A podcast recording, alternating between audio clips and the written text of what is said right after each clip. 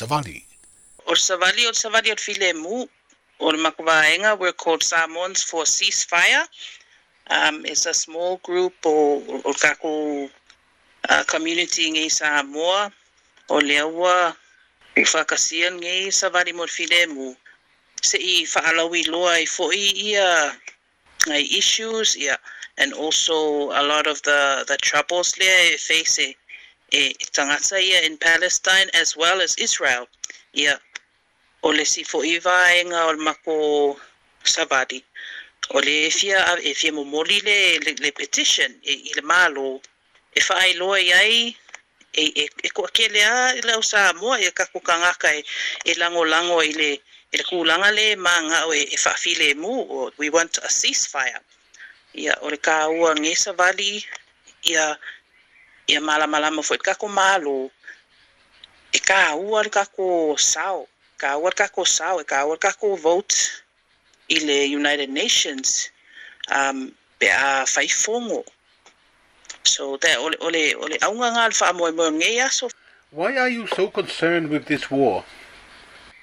As Samoans for ceasefire, we see it as it's it's not so much a war as it is an issue of humanity. Ah, we are a kaki kilo kako kako history in Samoa. We are a former colony. Um, so if you look at that, we've enjoyed what Fiangi Kausanga kako kuko kasi. Ongos Kausanga, we have enjoyed the freedom. Ah. So if we look at a country like Palestine, they have not had freedom for 75 plus years.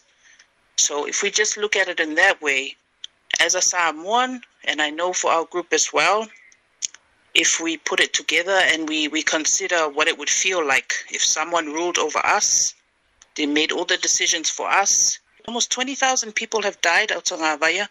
So, as a Samoan and coming from a Christian nation and with our Christian values and upbringing, we're not seeing it so much as a religious thing as it is a human thing. So, that's why we're concerned.